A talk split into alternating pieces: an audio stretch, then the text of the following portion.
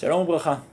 אנחנו בסדרת תורה נשית, והתחלנו לראות במפגש הקודם את הדברים היפים של האדמו"ר הזקן בנוגע לכל חתן וכל כלה, משמח חתן עם הכלה, על ההבדל שבין תורת סיני, תורה של האסור והמותר, התורה הגברית, לבין התורה העתידית, התורה הנשית שמשתלבת יחד עם תורת סיני ומבטאת לא תוכן חדש, אלא פרספקטיבה חדשה, מכניסה את מרכיב התענוג את מרכיב ההזדהות העמוק והפנימי לתוך, ה, לתוך התורה והופכת להיות אפילו במובנים מסוימים ההשראה לתורה החיצונית, הופכת להיות העטרת שלה, אשת חיל עטרת בעלה. במפגש היום נשתדל לגעת בעוד היבטים ולחדד עוד כמה נקודות מתוך הדברים האלה של האדמו"ר הזקן כדי להשלים את התמונה על הבשורה שמבשרת התורה הנשית והיחס שלה לתורה המציאותית. הדגש שראינו במפגש הקודם על תורה של עונג מעביר במידה מסוימת את המוקד של התורה מהשמיים או מהקדוש ברוך הוא אל האדם עצמו. זו הופכת להיות תורה שיש בה עכשיו איזשהו היבט שמתעורר מתוך המציאות ולא רק כזאת שיורדת מלמעלה. כמובן שוב חשוב להדגיש, אנחנו לא מדברים כאן בהכרח על איזשהו תוכן חדש אלא על פרספקטיבות מהותיות שונות. אם יש תורה שהיא תורה של היררכיה, שמצווה אותנו מלמעלה, שאנחנו רק מקבלים אותה, הקפה עליהם הר כגיגית, יש פה פתאום היבט אחר של תורה שמבקש לתת לדברים לנבוע ולהופיע מתוך המציאות עצמה. ואת הדברים האלה אני רוצה להמשיך ולהרחיב דרך מקור נוסף של האדמו"ר הזקן, הפעם מליקוטי תורה לפרשת במדבר, והאדמו"ר הזקן כותב ככה: וזה שנאמר בירמיהו, כי ברא השם חדשה בארץ נקבה תסובב גבר. היינו שיהיה התחדשות, בחינה חדשה בארץ. כי עכשיו, כאשר ירד הגשם מן השמיים וירווה את הארץ, אזי דייקה והולידה והצמיחה. אבל לעתיד לבוא תהיה בחינת ארץ למעלה מבחינת מים, ולא תצטרך לקבל מבחינת מים, וזהו נקבה תסובב. אומר לנו כאן האדמו"ר הזקן, דבר מעניין מאוד. אנחנו רגילים הרבה פעמים לראות את הגשם שיורד מהשמיים כביטוי לברכה. זה השפע האלוקי בצורה הכי פשוטה שלו, שיורד עלינו מלמעלה, שמבטא את ההשגחה האלוקית על המציאות. בכך כמובן גם מתייחדת ארץ ישראל, ארץ אשר עיני השם אלוקיך בא מראשית השנה ועד אחרית השנה. התורה יודעת להעמיד את מי ארץ ישראל בניגוד למים של מצרים, למי הנילוס, בניגוד למים של מצרים, ששפע הנילוס שזורם בלי הפסקה כל הזמן מספק להם אותם, שארץ ישראל מבטאת את התלות המובהקת במי הגשמים, שלא ברורים אליהם, שאינם יציבים, ובעצם גורמת לנו כל הזמן לישא את מבטנו אל המרום ולהתפלל להורדת גשמים. ההבדל הזה כמובן הוא לא רק הבדל ריאלי, אלא מבטא הבדל רוחני עמוק. מצרים אה, עם השפע התמידי של הנילוס משקפת את כוחי ועוצם ידי. חיים, קיימים, ארציים, בלי שום היבט של נשגב, בלי שמיים, בלי קדושה. אין תלות בקדוש ברוך הוא, האדם עומד בפני עצמו. לעומת זאת ארץ ישראל כבר מלמדת את האדם את סוד ההשגחה, את ההנהגה האלוקית שמובילה את המציאות, שמנחה אותה. האדם, כמו שאמרנו, נתון קצת לחסדי שמיים, לא יכול לקבוע ולהחליט על כל דבר, ובמידה מסוימת הצורך בגשם מעורר באדם תנועה של התבטלות. תנועה של תלות במה שגדול ממנו ומונע מאדם להגיע לשיכרון כוח. זאת ההבחנה שאנחנו רגילים לרוב לפגוש אותה. וכאן תיאר אותה האדמו"ר הזה כן, כ... עם כל חשיבותה וערכה, כדבר שגם הוא מבטא איזשהו חיסרון. זאת המציאות הקיימת. אבל במציאות העתידית כבר לא יהיה צורך לאותם מים שקיימים מלמעלה. לפני שניגע קצת יותר במשמעות של הדברים האלה, חשוב לציין שהתיאור של האדמו"ר הזקן על המים העתידיים מופיע אפילו עוד הרבה לפני כן. ואם נחזור לספר דברים, שקודם הזכרנו את התיאור שלו לארץ אשר עיני השם אלוקיך בא מראשית השנה ועד אחרית השנה, אנחנו מוצאים בספר דברים תיאור נוסף של ארץ ישראל, שמציג את ארץ ישראל באופן אחר, ועם מים של ארץ ישראל קודם עמדו בניגוד למים של מצרים, אז בדברים הבאים שנקרא עוד רגע, ארץ ישראל עומדת בניגוד למדבר. ואני קורא עכשיו מתוך ספר דברים, פרק ח'. כל המצווה אשר אנוכי מצווך היום תשמרו לעשות, למען תחיון ורביתם ובתם וירשתם את הארץ אשר נשבע אדוני לאבותיכם. וזכרת את כל הדרך אשר הוליכך אדוני אלוהיך זה ארבעים שנה במדבר, למען ענותך, לנסותך, לדעת את אשר בלבבך, תשמור מצוותיו במלוא. ויענך וירעיבך ויאכילך את המן אשר לא ידעת ולא ידעון אבותיך, למען הודיעך כי לא על הלחם לבדו יחיה האדם, כי על כל מוצא פי אדוני יחיה האדם. שמלתך לא בלטה מעליך, ורגלך לא בצקה זה ארבעים שנה. וידעת עם לבביך כי כאשר ייסר איש את בנו, אדוני אלוהיך מייסרך. ושמרת את מצוות אדוני אלוהיך ללכת בדרכיו וליראה אותו. כי אדוני אלוהיך מביאך אל ארץ טובה, ארץ נחלי מים, עיינות ותהומות, יוצאים בבקעה ובהר. ארץ חיטה ושעורה, גפן ותאנה ורימון, ארץ זית שמן ודבש. ארץ אשר לא במסכנות תאכל בלחם, לא תחסר כל בה. ארץ אשר אבניה ברזל ומהרריה תחצוב נחושת. ואכלת ושבעת וברכת את אדוני אלוהיך על הארץ הטובה אשר נתן לך. כשאנחנו מסתכלים על התיאור של ארץ ישראל כאן בפרק ח' בספר דברים, אז ארץ ישראל לא מוצגת כארץ הגשמים. הגשמים שהם חסדי שמיים שאליהם מייחל האדם, אלא ארץ ישראל היא ארץ שבה יש שפע תמידי של מים. היא לא ארץ של גשמים, אלא של עיינות ותומות יוצאים בבקעה ובהר. אין תלות במשהו שנמצא מחוצה לה. גם כאן כמובן אפשר לראות שהדברים זה לא רק איזשהו אפיון מציאותי של מה יש בארץ ישראל לעומת מה שהיה במדבר, אלא בא לבטא הבדל מהותי ורוחני שקיים בין ארץ ישראל לבין חיי המדבר. המדבר, החיים של עם ישראל במדבר, שיקפו בצורה הכי ברורה שיש את התלות המוחלטת בקדוש ברוך הוא. יש נוכחות שכינה, עמוד אש, עמוד ענן, מן שיורד מהשמיים, מים שמגיעים באופן ניסי מתוך באר, הקדוש ברוך הוא מנהיג את עם ישראל באופן מלא עם התגלות שכינה יומיומית. כל הדברים האלה הם מבורכים ומופלאים, עוצמתיים מאוד, אבל יש להם גם מחיר. הם בולעים את האדם בתוך ההשגחה ולא נותנים לאדם עצמו מקום. ארץ ישראל לעומת זאת משקפת כאן משהו אחר. משקפת דווקא את היכולת של המציאות לעמוד בפני עצמה. היא לא תלויה בשמיים, היא לא תלויה בשפע שהוא חיצוני לה, אלא נובעת ומתעוררת מתוך עצמה. יש בה עיינות ותאומות, יש בה שפע של ברכה, של מים ומזון, שיכול לעמוד כקיום שעומד לעצמו ולא תלוי באופן קריטי כל כך כמו במדבר בשפע האלוקי. אז יש לנו עכשיו לפנינו שני תיאורים של ארץ ישראל.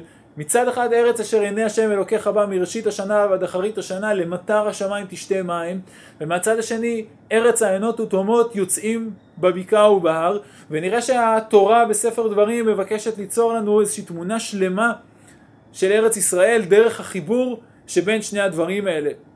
ארץ ישראל בעצם יוצרת שילוב של קדושה בתוך המציאות. מצד אחד ארץ ישראל היא לא כמו ארץ מצרים שאין בה יראת שמיים, אין הכרה של האדם במה שגדול ומופלא ממנו.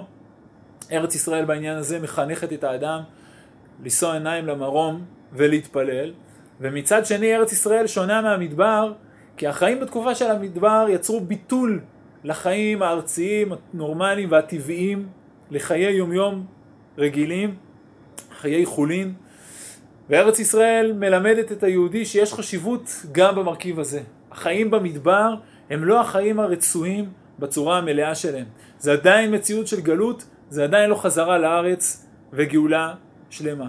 והשילוב שבין שני הדברים האלה, שתי הבחינות האלה של ארץ ישראל, מלמדים באמת על הצירוף של זה, על ההבנה שהקדוש ברוך הוא למעשה טמון, נמצא, שורה גם בתוך המציאות עצמה ולא רק בנשגב. כשאנחנו בוחנים את נבואות אחרית הימים, כמו שגם האדמו"ר הזה כן התייחס אליהם קודם, אנחנו מוצאים תיאור שהם באמת של מים שנובעים דווקא מתוך האדמה ומשקים את הסובב, ולא של מים שיורדים מהשמיים. כך יחזקאל בנבואה שלו מתאר את המים שיוצאים ממפתן בית המקדש ויורדים לרפא את, אה, את ים המלח. כך אנחנו מוצאים גם בזכריה וביואל בתיאורים המפורסמים, ואני קורא פה עכשיו, הדברים מוכרים, בזכריה, והיה ביום ההוא יצאו מים חיים מירושלים. חציים אל הים הקדמוני וחציים אל הים האחרון, בקיץ ובחורף יהיה. והיה אדוני למלך על כל הארץ, ביום ההוא יהיה אדוני אחד ושמו אחד, ועוד תיאור בספר יואל, והיה ביום ההוא יטפו ההרים עסיס, והגבעות תלכנה חלב, וכל אפיקי יהודה ילכו מים, ומעיין בית אדוני יצא וישקע את נחל השיטים. אז הנבואות של יחזקאל וזכריה ויואל שקראנו אותם עכשיו, משקפות באיזשהו מקום גם את החזרה אל העדן, חזרה לגן עדן, מקום שבו יש מים שמחיים ומצמיחים בלי שצריך את הגשם. יש כאן סוג של תיאור בריאה מחדש, מציאות שיכולה להשתקם מתוך עצמה, להתעורר מתוך עצמה ובמידה מסוימת אולי גם תיקון לחטא אדם הראשון. עם חטא עץ הדת שדיברנו עליו בתחילת הסדרה שלנו, גורם לסילוק האדם מגן עדן, גורם לאדם לצאת לגלות, גורם לניתוק של הכל מהדיבור. החזרה לארץ ישראל, החזרה אל המציאות החיה, מאפשרת במידה מסוימת את החזרה גם לגן עדן. מאפשרת את החזרה למצב שבו מנסים לחבר בין הכל לבין הדיבור. מנסים ליצור מצב שבו יש, בהשלמה לדברים שראינו בפעם שעברה באדמו"ר הזקן, חתן עם כלה, משמח חתן עם הכלה ביחד. וגם האדמו"ר הזקן כבר התחלנו לראות קודם, מקשר את הדברים האלה לנבואות אחרית הימים ולמה הם יוצאים מבית קודשי הקודשים. וככה הוא כותב. ולעתיד, כשיהיה אשת חיל עטרת בעלה, אז יהיה להקלה כל המשכה והתגלות. ועל דרך מה שנאמר ביום ההוא יצאו מים חיים מירושלים, חציים אל הים הקדמוני, שהמלכות תהיה עטרת ומשפיע לבעלה גבוה מן התיקון. המציאות העתידית, בחזרה לארץ ישראל, מייצרת, מחוללת מצב שבו אנחנו לא רק מקבלים, המציאות לא רק מונחית ומונהגת לפי מסגרת החוק שניתן לה מהשמיים, אלא מחוללת משהו מתוך עצמה, מכניסה גם אלמנט מסוים לתוך הסיפור, מכניסה גם לתוך הסיפור של התורה מרכיב משמעותי. בלשונו של האדמו"ר הזקן שראינו קודם, מכניסה את מרכיב, ה... את מרכיב התענוג. יש לנו פה פתאום מציאות שעומדת לעצמה, מלאה מתוך עצמה, מלאה בשפע, ולא תלויה עכשיו בגורם ש... שמגיע מבחוץ. יש אמנם גם את כל החתן, אבל יש כאן עכשיו איזשהו קשר מפרה.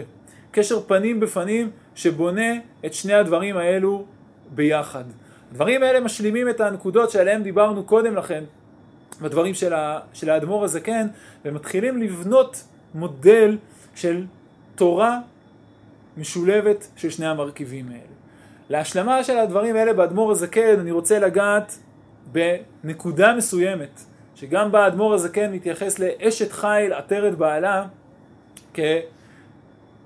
כקישור לרעיון התוהו והתיקון. נקרא רגע את הדברים בפנים ואז נסביר קצת יותר.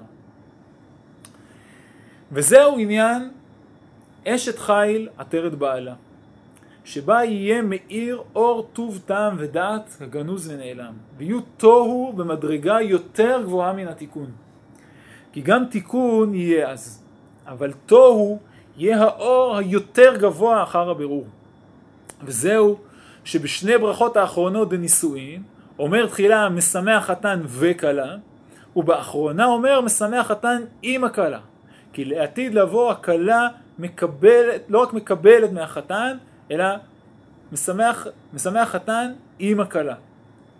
בעל התניא חוזר על הדברים שכבר uh, פגשנו, ופה באמת מחבר לצמד מושגים נוסף, שנקרא תוהו ותיקון.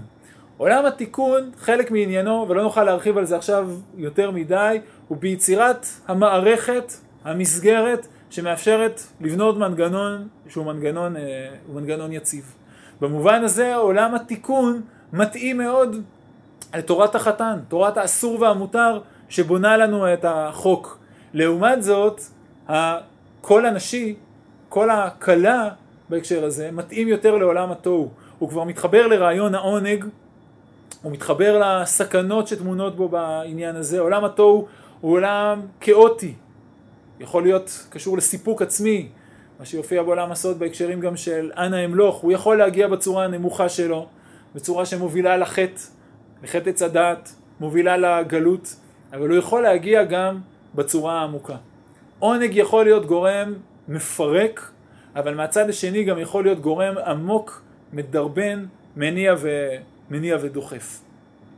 כמו שכבר אמרנו גם uh, קודם, אדמו"ר הזקן לא מבקש להעדיף עכשיו את הקול הנשי, את קול הכלה, על פני קול החתן, אלא ליצור משמח חתן עם הכלה, ליצור קול חתן וקול כלה, חיבור שבין שני המערכות האלה ביחד, מעין מה שאוהבים לכנות אורות בתוהו בכלים בתיקון. בכלים בתיקון. צריך לומר פה בהקשר הזה, יש חשיבות גדולה למסגרת, לברית, למחויבות כאיזשהם מרכיבי יסוד. כי מה שיוצר את האיזון שקיים בעולם ולא גורם לכל אה, מסגרת לקרוס או להתפרק.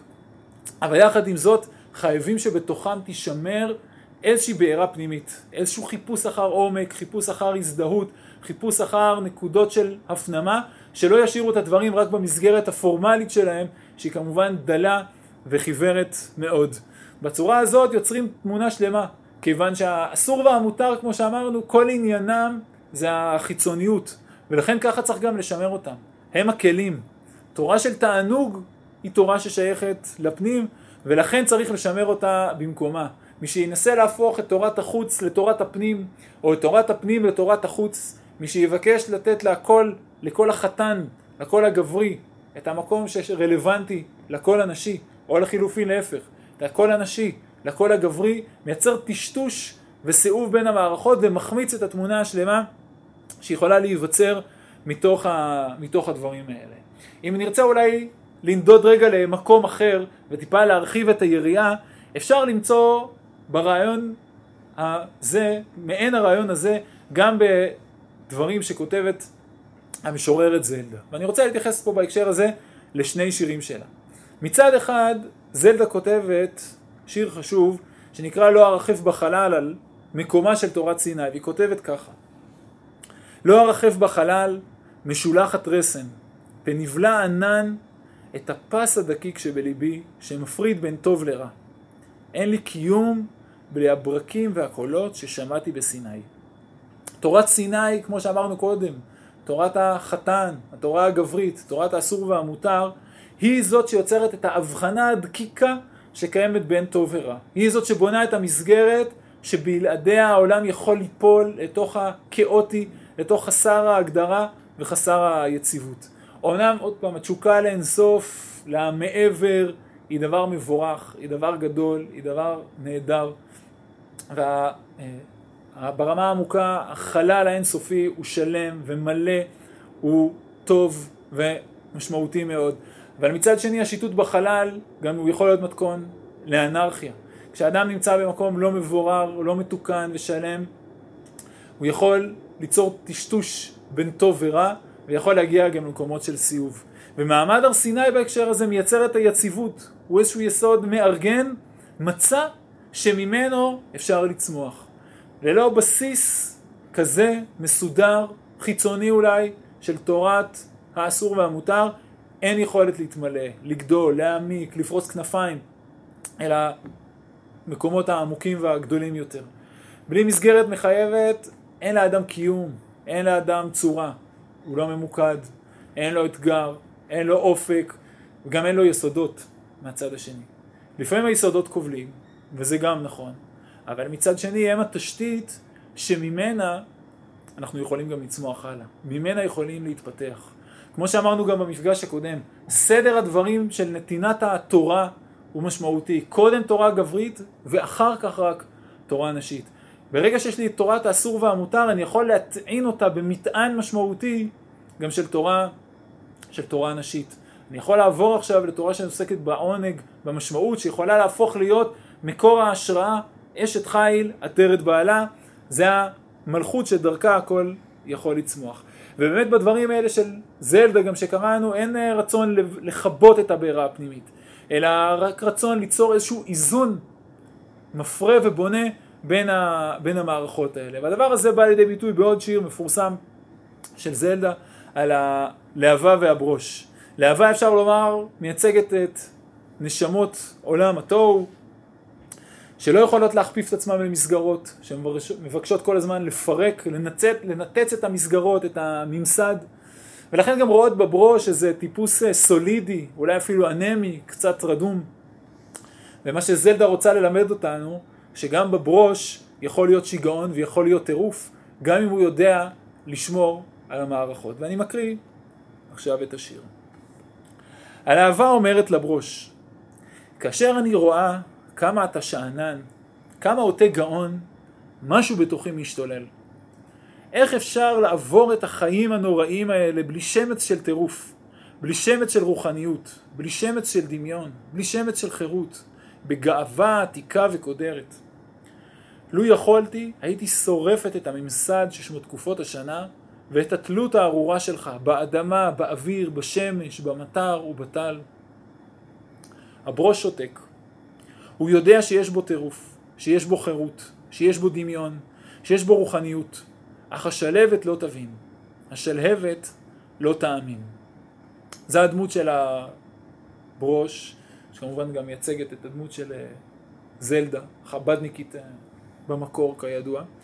והדברים האלה משלימים, אני חושב, את התמונה הגדולה שהאדמו"ר הזה כן מבקש לעצב לנו כאן. תהליך הצמיחה של התורה, את התהליך שבו יש רגע שבו הנשיות כבר צריכה להתעורר, כבר אין קול באישה ערווה, כמו שאמר לנו תיקוני הזוהר, אלא יש קול כלה, קול כלה מאפשרת, משמח חתן עם הכלה, מאפשרת עכשיו לא רק מסגרת של חוק, של תורה, של פרטים, של הלכות, אלא תורה שיש בה גם אלמנט של תענוג, תורה שיש בה גם הפנמה, שיש בה גם הזדהות, שמחוללת את הדברים האלה ביחד.